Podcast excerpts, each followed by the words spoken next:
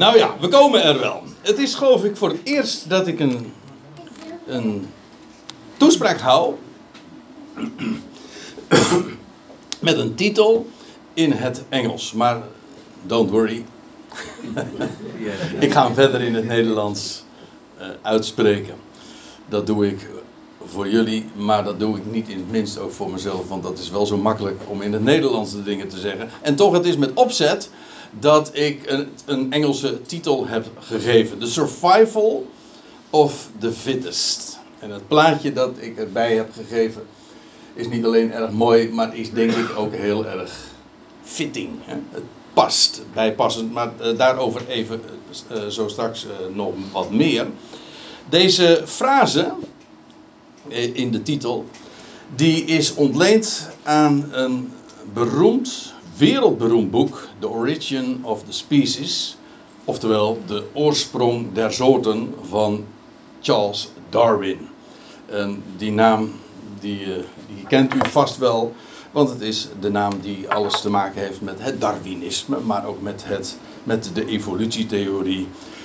En daar gaan we het vanmorgen helemaal niet verder over hebben. Maar het is wel zo dat met deze uitdrukking de survival of the fittest met name juist een grote rol is gaan spelen sinds de publicatie van dit boek in de 19e eeuw ergens. En ik moet er iets bij zeggen. Meestal wordt het uh, vertaald met de overleving van de sterkste. En dat is nou niet zo'n sterke weergave of vertaling. Want eigenlijk is de fittest niet de sterkste. Hoewel het niet helemaal onterecht is. Maar het betekent de best aangepaste. En in de zin dus ook van intelligent of slim. En om nou even dan toch terug te komen bij dit plaatje van eh, de chameleon. Nou, dat is uh, helemaal niet zo'n sterk beest. Nee, maar uh, hij of zij kan heel goed overleven, juist omdat, ze zich in staat, omdat het in staat is zich aan te passen aan de omstandigheden. In dit geval de kleur aan te nemen van zijn omgeving, zodat hij moeilijk door vijandige dieren herkend wordt. En daardoor dus overleeft. Dat is niet zozeer sterk als wel slim. Ik bedoel, bedacht door de schepper uiteraard. Ja, uh, Charles Darwin die zei dat het allemaal puur toeval was dat dat zo geschiedde. Maar uh, kijk goed naar het plaatje en je weet meteen van dat kan geen toeval zijn natuurlijk. Hè? Dat hoef ik verder niet meer toe te lichten. Daarom zei ik al, ik ga het verder niet over Darwin hebben. Maar het idee op zich van dat, dat dieren en planten en mensen in staat zijn zich aan te passen aan de omgeving, maar ook zich aan, aan te passen aan de omstandigheden, zodat je inderdaad overleeft. Ja, dat is een, een geweldig uh, gegeven in de levende natuur. Dat woord fit, dat betekent in het dus een Engels woord, maar uh, dat betekent in de eerste plaats passend, uh, geschikt. Als je van een kledingstuk, uh, in het Engels zeg je van een kledingstuk, hè, het past, dat wil zeggen, it's fitting. Trouwens, fitting, dat kennen wij ook, maar dat is, u weet wel, dat ding waar uh, de lamp in past. Hm, toch? Dat is wat to fit betekent. Maar we kennen de term ook, en dat is wel waarschijnlijk ook de reden waarom het vaak vertaald wordt met de sterkste, namelijk in de zin van fitness namelijk vitaliteit zou het dan ook nog mee te maken hebben. En, zodat inderdaad, uh, het inderdaad duidt op, op levenskracht, maar niet in de eerste plaats op, op sterkte en, uh, en, en kracht. Maar die beide betekenissen liggen toch uh, enigszins in elkaars verlengde. Ik kom daar straks nog op terug. Maar fittest, dat is dus de overtreffende trap. je bent fit, fitter, fittest. En uh, de fittest, dat is degene die het slimst omgaat met uh, de omgeving. Of met veranderingen ook in de omgeving. En waarom zeg ik dat nu? Wel omdat ik u graag mee wil nemen naar een tekst in Filippi 4. Een passage die heel bekend is, terecht, want het is een schitterende uh, aaneenschakeling van statements die de apostel Paulus daar noteert in deze brief die hij schreef aan Filippiërs. En dat begint dan met, en ik wil het even in, zijn context ook uh, benoemen, maar eerst vers 4 dan. Uh, verheug je in de Heer, altijd. Wederom, zegt Paulus, zal ik je zeggen, verheug je. Overigens, hij schreef dit vanuit de gevangenis. Ik vind dat is een aantekening die ik, uh, ja, die moet je maken, erbij maken, want dat geeft de opmerking zoveel meer kracht. Er is geen brief waarin vreugde en blijdschap zo'n grote rol speelt als de Filippi-brief. Het komt zo dikwijls uh, uh, voor. En iedere keer ook de oproep. En, van, en Paulus die borrelt van vreugde. En dat staat dus helemaal los van uh, zijn fysieke omstandigheden. Een miskenning die zijn deel was vreugde. Verheug je in de Heer. En dan zegt hij in de Heer. Dat is, een, dat is de constante. Omstandigheden die wisselen voortdurend in het leven. Maar er is één ding, of beter gezegd één iemand. Dat is een constante. Hij heeft alles in de hand. En hij is er altijd. En daar kun je je ook altijd in verheugen. In hem die alles beheerst. Dat vind ik ook een mooi woord. Want dat is wat de Heer is. Hij beheerst de dingen. Hij heeft alles onder controle. Hij wijst de dingen toe. Vandaar, wederom zal ik je zeggen, verheug je. En dan, en nou, dat is de tekst waar ik uh, vanmorgen vooral op wil inzoomen. Laat jullie inschikkelijkheid alle mensen bekend worden. De Heer is nabij. Wees in geen ding bezorgd, maar laat in alles in gebed en smeking met dankzegging jullie verzoeken bekend worden naar God toe. En de vrede van de God, die superieur is boven elk denken, zal als in een vesting de harten en gedachten van jullie bewaren. In Christus Jezus. En de weergave die ik hier heb, dat is die uh, jullie wel uh, van mij kennen, uh, gebaseerd op die interlineair. Een nogal letterlijke weergave, dus in sommige opzichten misschien net even wat anders dan de MBG of de Statenvertaling. En wat ik vanmorgen dus vooral wil doen, is inzoomen op dit vers, namelijk laat jullie inschikkelijkheid alle mensen bekend worden. En hier zie je inderdaad dan die interlineair, die bovenste regels. De, dat zijn de woorden die Paulus noteerde in de brief. Grieks. En die tekst of die regel daaronder is de meest letterlijke weergave. Uh, ik zal eventjes trouwens de, de, gangbare vertalingen eventjes op een rijtje zetten. Om toch ook daarbij uh, even een, een probleempje aan te stippen. Want uh, dan blijkt dat het woord inschikkelijkheid nou niet zo heel erg gangbaar is. Want de NBG zegt uw vriendelijkheid zij alle mensen bekend. En degenen die een statenvertaling hebben, die weten dat hier uh, dat dit weergegeven wordt met uw bescheidenheid zij alle mensen bekend. En je hebt niet veel fantasie nodig om te begrijpen dat die betekenissen toch wel enigszins bij elkaar liggen. Maar goed, ze zijn niet één op één uh, inwisselbaar. Dat niet. Eh, de Telos-vertaling, oftewel de voorhoevenvertaling, uh, dat is een uh, nogal letterlijke vertaling. Ik ben er altijd erg enthousiast over. Maar ook trouwens de NCV, de Nederlandse concordante vertaling, die geeft het weer met laat uw inschikkelijkheid aan alle mensen bekend zijn. Nog even dus specifiek dit woord, want daar gaat het dan op. En dan wil ik dan toch eventjes dat laten zien. Het Grieks is het epi-eikes epi-eikes. En dat is samengesteld uit twee elementen. Eerst een voorzetsel, namelijk op.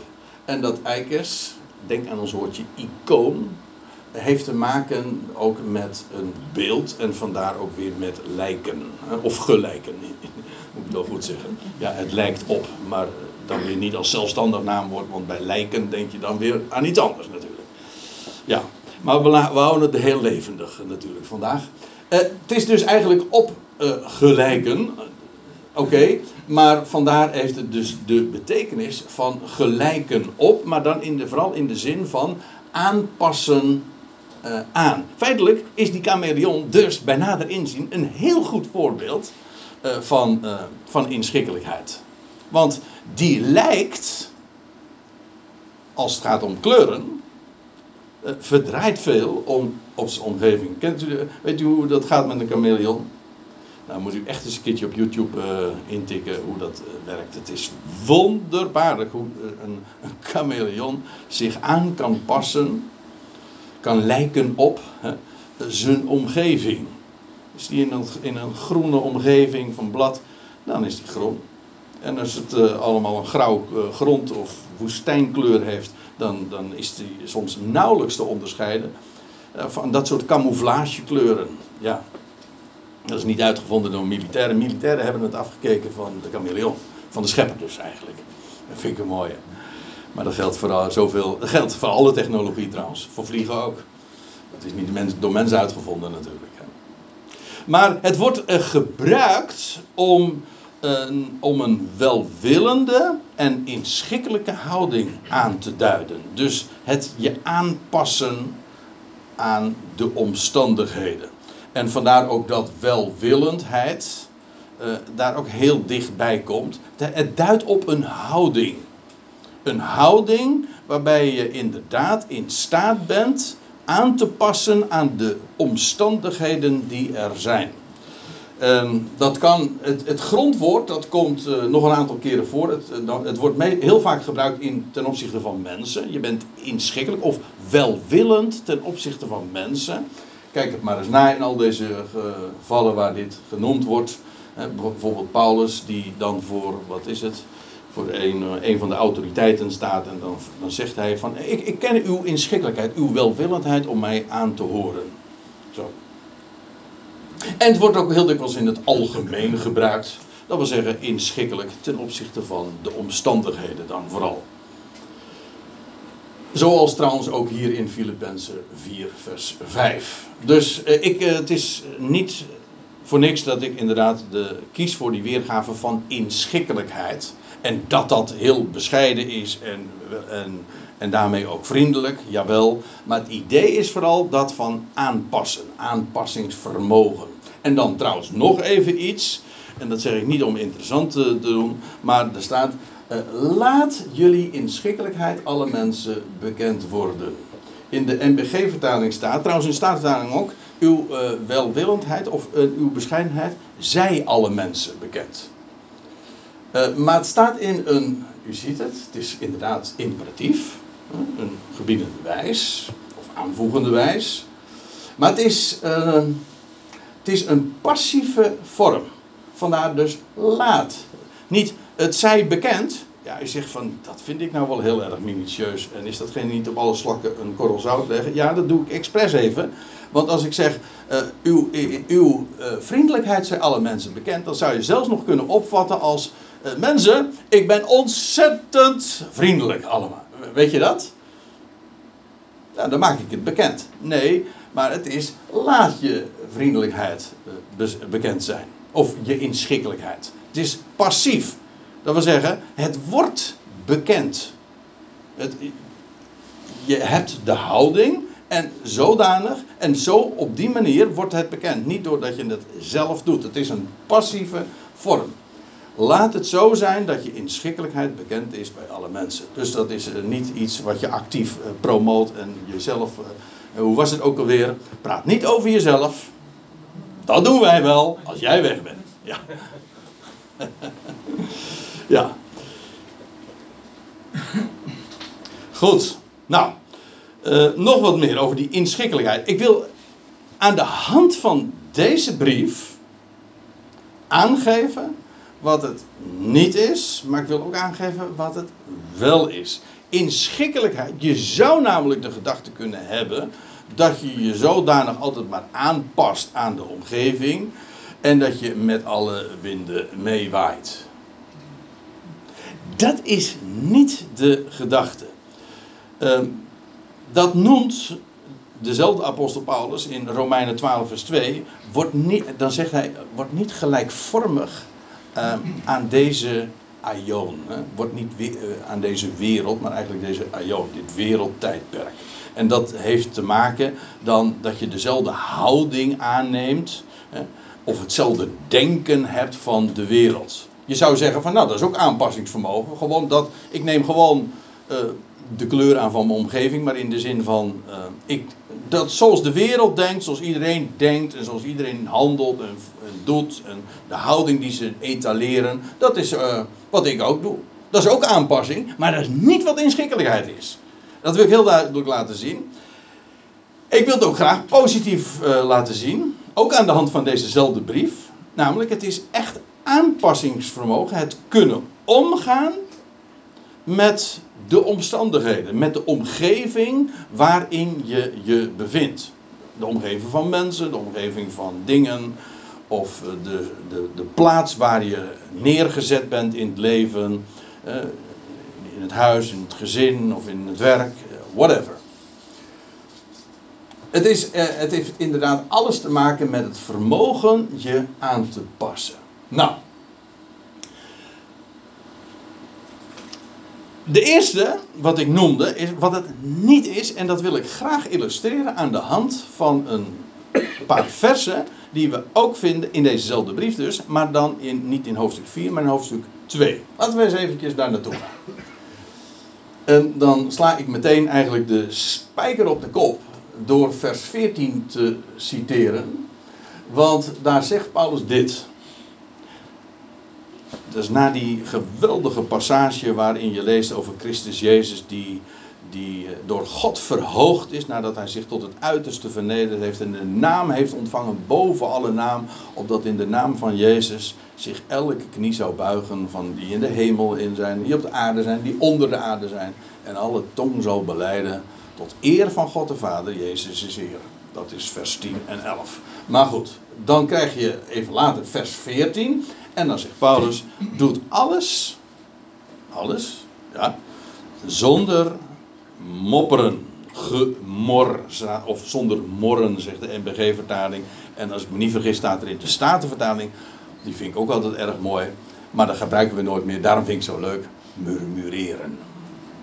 Ja, het heeft. Uh, en redeneringen, dialogen, dialogismes. En dat heeft. Uh, dat, is, dat zijn bedenkingen. Die twee horen bij elkaar. Mopperen en altijd maar bedenkingen en redeneren. Maar het, is, het duidt op een negatieve instelling. Kijk, uh, mopperen. Ik denk dat het van belang is om dat te onderkennen. Mopperen dat is maar niet zomaar kritiek hebben.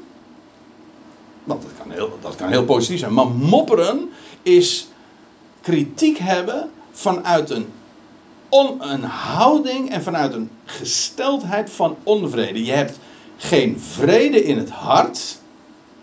En de kritiek die er dan uitkomt, dat is mopperen. We hebben daar in het Nederlands Waarschijnlijk is dat ook wel omdat we als Nederlanders daar zo geweldig goed in zijn. Verschrikkelijk veel woorden voor. En ik, uh, dus uh, je kan volgens mij een hele lijst maken van uh, woorden die allemaal daar iets mee te maken hebben. Die ongeveer dezelfde betekenis hebben als mopperen. Ja, zeg ze maar. Ja, kom maar op.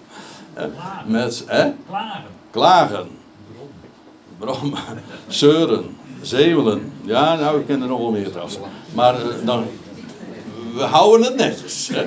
We houden het netjes. Ja, inderdaad.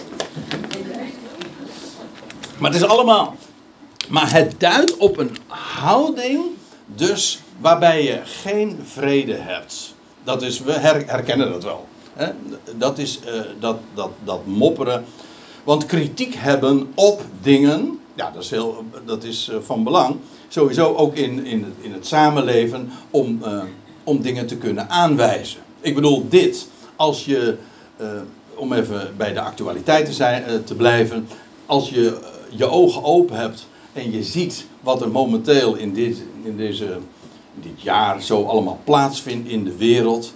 En, en je onderscheidt dat, ja, dan zeg je van, dit klopt niet, dit deugt niet. En als je dat aanwijst, ben je dan, ja, sommige mensen denken dan meteen dat je moppert. Nee, dat is gewoon, je bekritiseert de dingen, om, je stelt ze aan de kaak. Dat is geen mopperen. Weet je wanneer het mopperen wordt? Wanneer het je vrede wegneemt.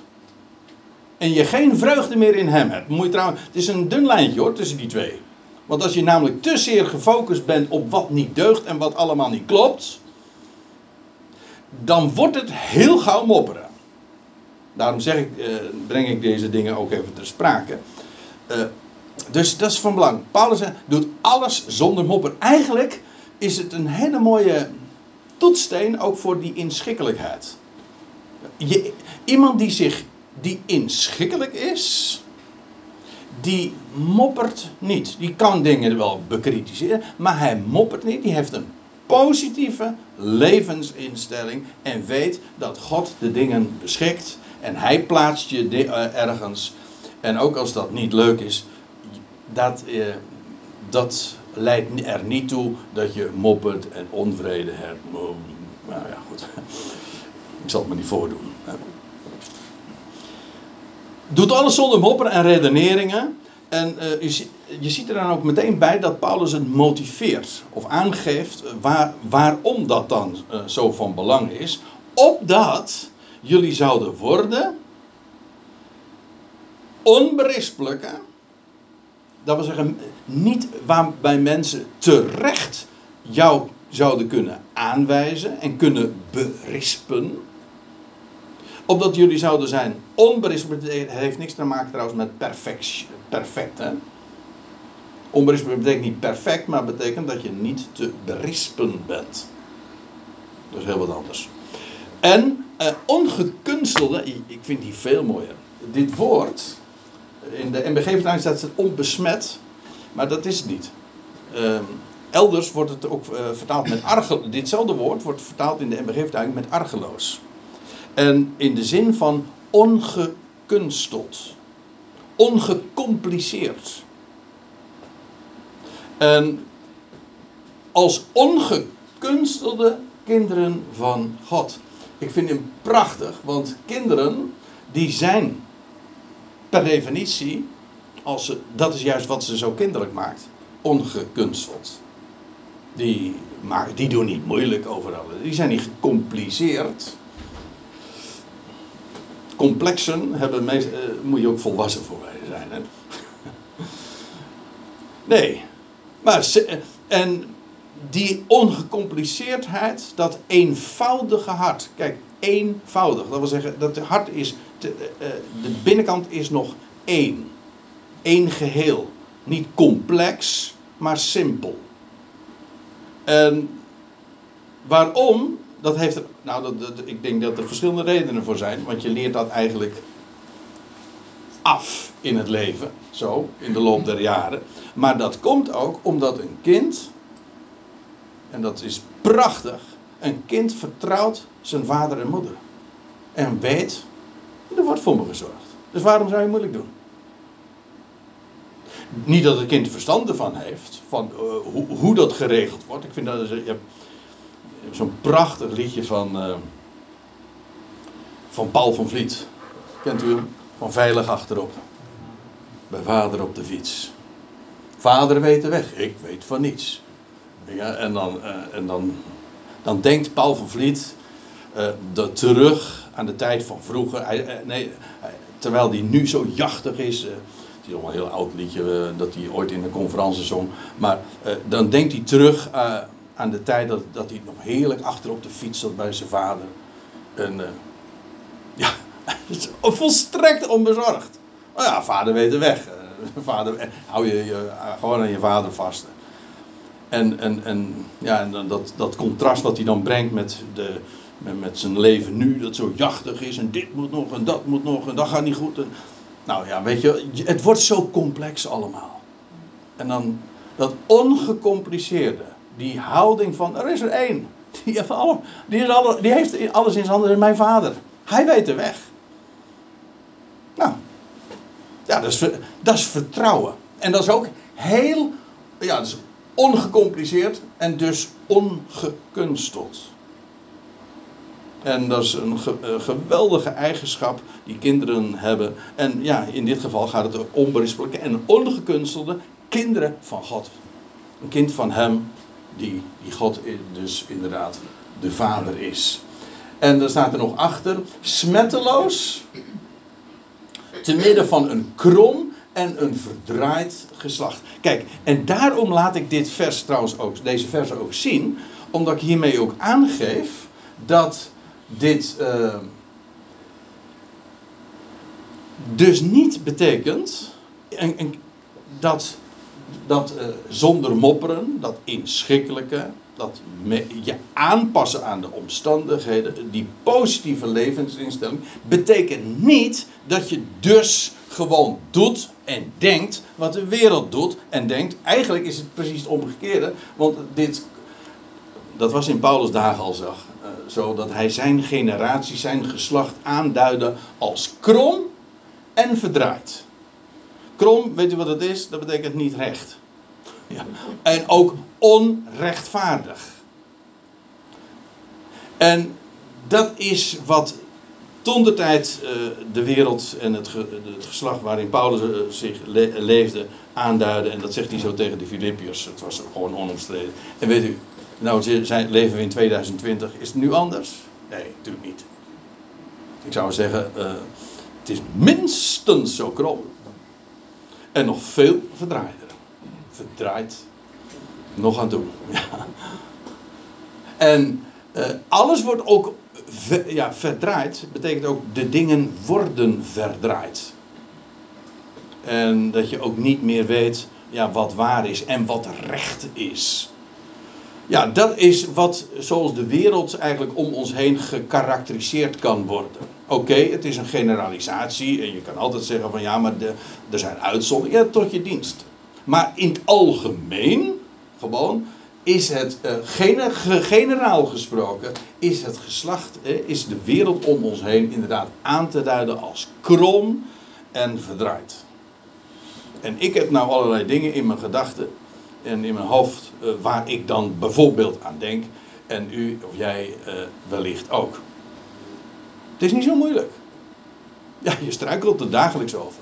Maar om juist te midden van zo'n krom en verdraaid geslacht. inderdaad uh, daar smetteloos van te zijn. En hoe dat is ook, dat begint met die instelling van zonder mopperen. Oftewel, dat die positieve instelling van, de, van degenen. en die ongekunstelde uh, kind van God zijn. En alles in vertrouwen aan Hem over te dragen. Ja, dat betekent dat, je dus een, dat er een contrast is tussen de wereld om je heen. Die niet anders doet trouwens dan mopperen en, en klagen. Maar ja, die kent God ook niet. En erkent Hem ook niet. Dat maakt ook dat het zo'n krom en verdraaid geslacht is. De waarheid wordt ten onder gehouden. God wordt al, in alle opzichten uh, weggeredeneerd in het denken. Ja, ik begon met uh, Charles Darwin. Maar dat is, een, dat is meteen ook een aardige uh, voorbeeld daarvan. God hebben we, denken we niet nodig te hebben om de dingen te kunnen verklaren, et cetera. Nou ja, hoe dan ook, dat inschikkelijk betekent dus niet dat je, dezelfde, dat je dezelfde houding en hetzelfde denken aanneemt van de wereld om je heen. Integendeel, het betekent juist dat je je ervan onderscheidt. Dat je in staat bent om in dat geslacht te leven. Dat is waar. Dat is van belang. Dat je daar dus niet aan ten onder gaat. Want dat is van, het is wel om staande te blijven in, in, in de wereld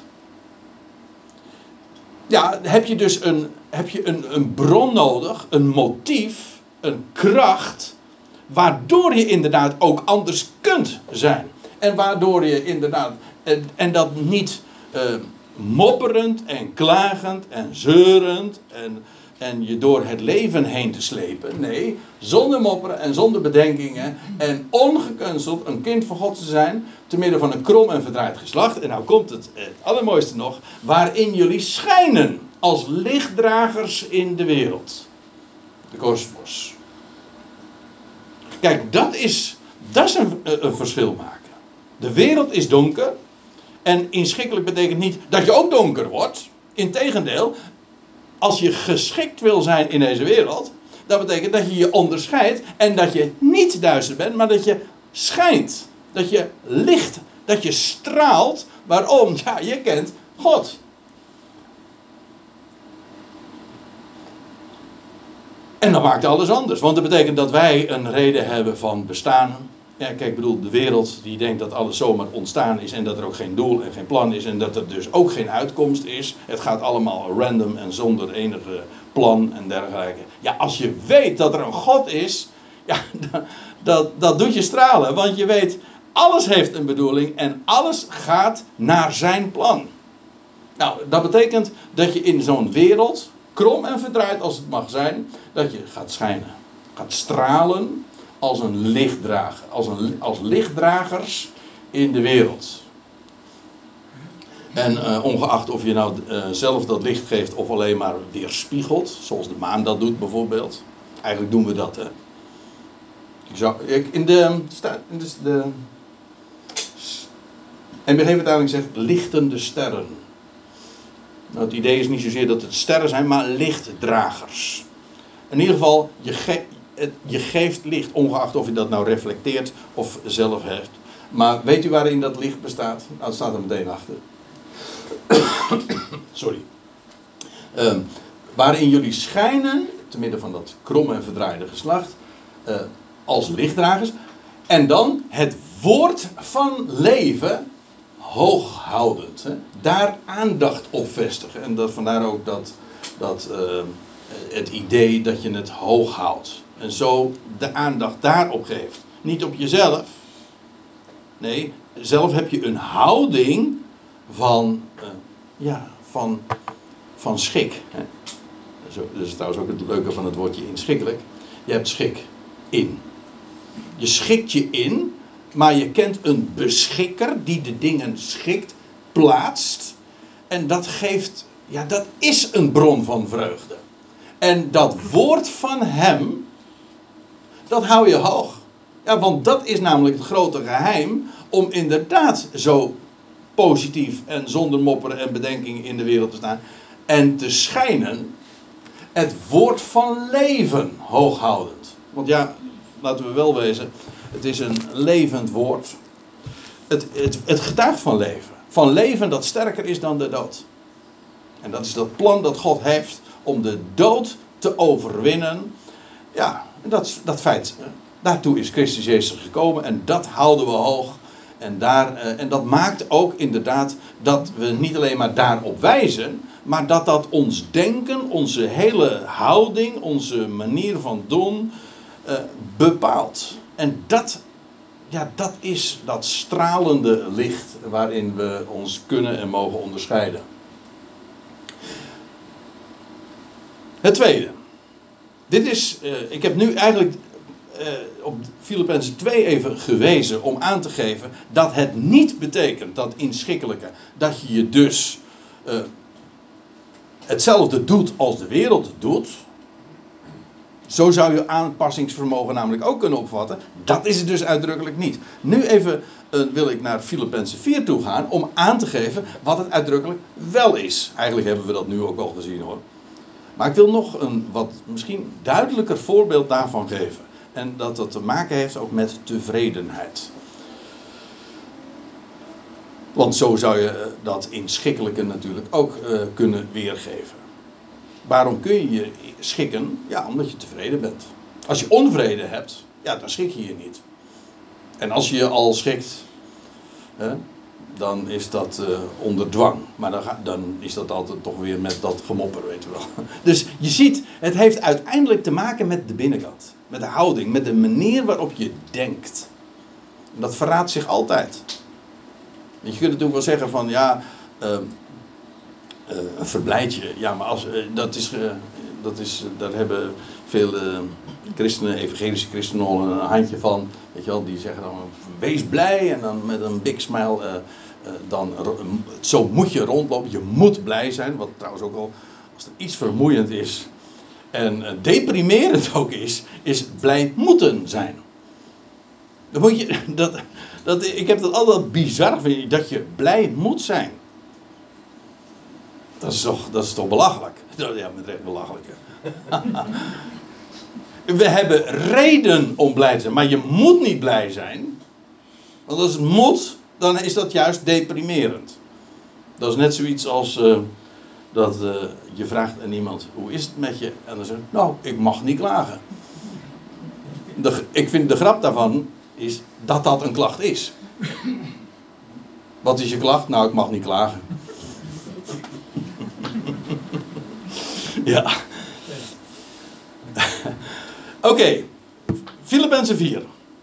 En ja, het is een beetje zomaar midden in het, uh, in, in, in het betoog dat Paulus houdt, of hij, hij legt ook uit aan de Filippiërs, die hem trouwens vrijwillig hadden ondersteund. Paulus vroeg nooit wat voor, voor het werk wat hij deed. Dat was, dat was om niet. Dat is ook waarin hij zich onderscheidde.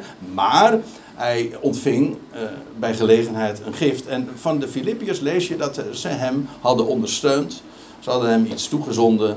En, uh, en Paulus gaat daar nader op in. Hij is er erg blij mee dat ze dat doen. En ongevraagd dat hebben gegeven. En nou ja, dat is een, een van de aanleidingen trouwens ook van deze brief.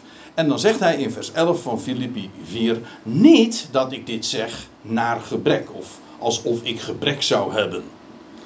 Want, zegt hij, ik leerde. Dat is een leerproces. Wat, wat hij hier beschrijft is echt een leerproces. Dat is niet iets wat je van de een op de andere dag zomaar je aan, leer, aanwendt. Dat, dat is, ja, zoals met de meeste dingen die je leert, dat is een proces. Ik leerde te midden van de dingen waarin ik ben, tevreden te zijn. In de MBG-vertaling staat genoegen te nemen. Trouwens, ik, ik zag dat in de, de, de nieuwe Statenvertaling, hoe heet die? De herstelde, toch? Herziene, ja. De herziende Statenvertaling, ook dit woord gebruikt wordt, tevreden. En, maar de grap is, nou grappig is het helemaal niet, maar het is apart dat uh, het woord wat hier gebruikt wordt in het Grieks, het komt maar één keer in de Bijbel voor, en dat is hier. En we kennen dat in het Nederlands ook nog. En dat is uh, het woordje autarkes. En dat, dat oud en dat auto, dat betekent, heeft iets te maken met zelf. En eigenlijk zelfgenoegzaam. Maar eh, het Nederlandse woord dat daarvan afgeleid is, is autarkie. Dus in de, degenen die economie hebben gestudeerd, die kennen dat begrip wel. Van, een, je hebt samenlevingen die autarkisch zijn. Dat heb je vooral bij samenlevingen die, die erg gehaat zijn. Bijvoorbeeld Zuid-Afrika in, in, het verleden, toen in, die, in de tijd van de apartheid, had ook een, was autarkisch. Dat wil zeggen, ze waren zelfvoorzienend. Ze waren onafhankelijk. Je hebt, Amerika heeft ook erg daarop gehamerd in de afgelopen jaren. om, om zelfvoorzienend te zijn, zodat je niet afhankelijk bent van anderen. Dat is autarkisch. En wat. Oké, dat is een economisch begrip dan. Maar het, het, het, geeft aan dat, dat je onafhankelijk bent van anderen. Onafhankelijk van de omstandigheden ook. Dat is het idee. Je hebt genoeg. Los van wat uh, anderen zeggen, of los van de situatie, de dingen waarin je je bevindt. Je bent daarin je hebt genoeg. Ja, en dat betekent dus inderdaad uh, dat je tevreden bent. En sommige, ja, je kunt zelfs meer dan genoeg hebben. Toch? Dan heb je uh, nog meer reden om daarin vrede te hebben. Ik heb geleerd, zegt Paulus, uh, tevreden te zijn in de, te midden van de dingen waarin ik ben. En dan geeft hij een heel aantal voorbeelden wat hij zo al geleerd heeft. Hij zegt: Ik weet van vernederd worden. En ik weet van overvloed. Dit, deze tegenstelling suggereert dat, het, dat hij vooral hier nu ook inderdaad economisch dat bedoelt. Uh, dat wil zeggen, je hebt bepaalde bezittingen en die worden je ontnomen. En Paulus had daar weet van. Hij zegt, ik weet van vernederd worden. Ik weet ook van, van overvloed uh, te hebben. Dat hij wel genoeg had. Genoeg geld dan met name. Hij zegt, maar ik weet ook, kijk, genoeg geld hebben, dat is meestal niet zo'n probleem. Hè? Dat je over overvloed hebt. Trouwens, nou, dat is niet helemaal waar wat ik nu zeg. Want ook dat kan een probleem zijn. Ook daar moet je leren mee om te gaan. Als je, als je ineens heel veel geld hebt ik heb daar hele aardige voorbeelden van, van gehoord. Dan moet je ook mee leren dealen.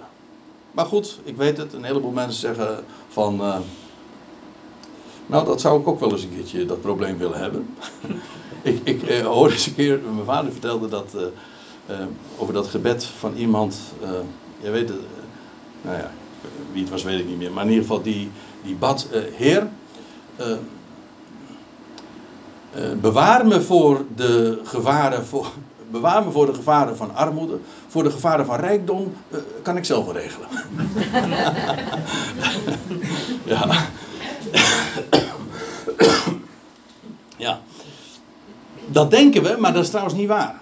Sterker nog, ik denk dat eh, het veel moeilijker is om staande te blijven en om je ook te leren omgaan met overvloed. Maar goed, ehm, met name dan, als de dingen je ontnomen worden. En Paulus zegt, ik weet ervan. Hij zegt, ik ben ook in elk ding ingewijd. Hij was dus ervaringsdeskundige. Dat woord voor inwijden heeft iets te maken met, eh, met eh, geïnitieerd zijn, met, eh, met mysteriën. Hij weet van de hoed en de rand. Hij kent, hij kent dat leven. Hij, hij weet van verzadigd worden, eh, zowel in verzadigd worden als in honger hebben. Nou, dan praat je dus echt over de elementaire dingen van het leven. Dat je eten en drinken hebt, voeding. Eh, hij zegt, ik weet het wat, wat het is om verzadigd te worden. Ja, maar ook als ik gebrek heb aan ja, eten en drinken. Nou, er zijn maar, denk, weinigen hier in de zaal die daar eh, ervaring mee hebben. En dat eh, willen we graag zo houden. Maar Paulus zegt, ik, ik weet wat het is om daarin ook, eh, om ook werkelijk honger te hebben. Dagen zonder, hij zegt dat in de Korinthebrief ook, beschrijft hij hoe dat, hoe dat zo eh, vergaan is. Dat hij inderdaad dagen zonder eten eh, heeft gezeten. En, en hij zegt er trouwens hier nog even bij, zowel in overvloed als in tekort. En ja, je kunt overvloed hebben als het gaat om kleding, aan huisvesting, aan slaap, aan waardering. Je kan, maar ook het tekort daaraan. Is, ik vind dit prachtig, dit vers, vers 12, eh, beschrijft Paulus exact waarin je inderdaad genoeg kan hebben, overvloed kan hebben. Maar ook dat je daarin gebrek hebt. Dat je tekort hebt. Nou, kleding kennen we niet zozeer. En, maar huisvesting. Maar ook.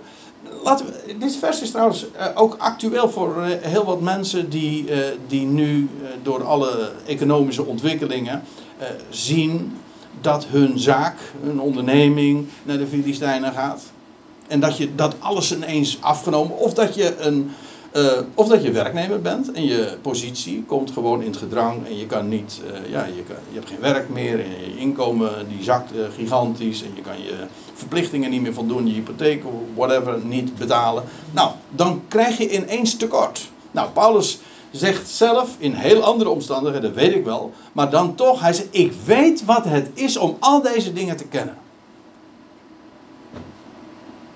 De positieve kant, dat wil zeggen overvloed, waarvan we dan denken van, nou dat is mooi, eh, ja. Maar zegt, ik ken ook de minkant. Dat je niet die overvloed kent. Hij zegt, in al die dingen ben ik ingewijd. En nou, nou komen we bij vers 13. Hij zegt, in alle dingen ben ik sterk. Wij, eh, hij is bekender trouwens als, trouwens zelfs als lied, ik vermag alle dingen. Dat is wat ik vermag, dat betekent namelijk, ik vermag in de zin van ik ben sterk. En nou komen we trouwens tevens weer op dat woordje fittest. Ja, maar dan zie je ook trouwens meteen de link tussen het vermogen je aan te passen aan de omstandigheden van het leven. Want als er iets is, eh, als er één constante is in het leven, is dat alles verandert. Voortdurend. En soms, eh, je hebt van die decennia, die we eigenlijk achter de rug hebben, waarin alles vrij gelijk bleef. En, en er kan soms zomaar eens een jaar zijn waarin, eh, eh, als het ware, ontwikkelingen van normaal gesproken decennia in samengepakt zijn. En het lijkt er heel erg sterk op dat we in zo'n fase terechtgekomen zijn. Dat er alles verandert. En dan het vermogen van Filippenzen 4, vers 5, nou, je in, inschikkelijkheid. Ja, wat is het geheim daarvan? Het je vermogen je aan te passen en de dingen. Ja, hij is degene die de dingen beschikt in je leven. Hij plaatst. Maar Paulus zegt: uh, in alle dingen uh, ben ik sterk. Ver, dat vermag ik. Je kunt je aanpassen. Maar het, juist dat je je kunt aanpassen, dat is juist het geheim van die survival. Dat je sterk bent.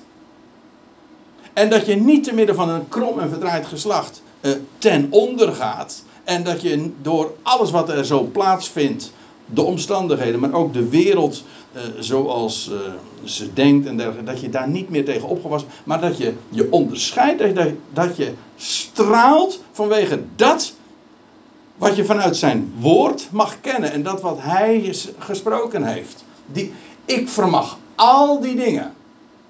Dat betekent niet ik kan alle dingen, maar die alle dingen, dat is al die omstandigheden die je zomaar uh, kunnen treffen of waarin je terecht kunt komen.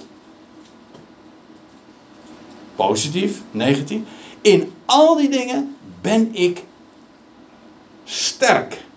En dat klinkt wat uh, Emiel Ratelbandachtig, misschien zo. Tjaka! Nee, het is hier, ik ben sterk. In hem die mij kracht geeft. Het is niet ik, het is niet mijn aanpassingsvermogen. Nee, ik kan mij aanpassen. En ik ben daardoor ook sterk en ik kan scheiden, scheiden en, onder, en mij onderscheiden te midden van zo'n wereld. Juist doordat ik Hem ken die alles beschikt. Daar gaat helemaal niks mis. En als Hij jou in de.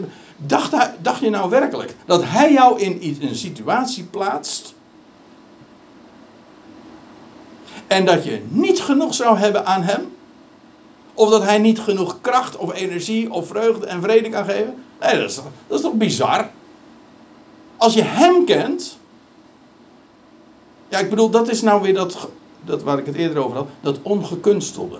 Dat ongecompliceerde. Wees nou, denk na. Ik weet het, want op het moment dat je gaat redeneren op jezelf en eigenlijk los van God, ja, dan, dan, dan, wordt de, dan wordt de wereld steeds complexer. En, en dat, dat, dat complexe dat, dat gaat zich nestelen in je. Je wordt, je, wordt, je wordt complex en je krijgt complexen. En, hou op. U zegt, ja, maar daar heb je dan ook weer instantie voor die, eh, waar je dan vervolgens weer naartoe gaat. Dat is waar. Maar ik zou zeggen, kies een andere route, mensen. Denk na. En hij is degene die alles in zijn machtige hand heeft.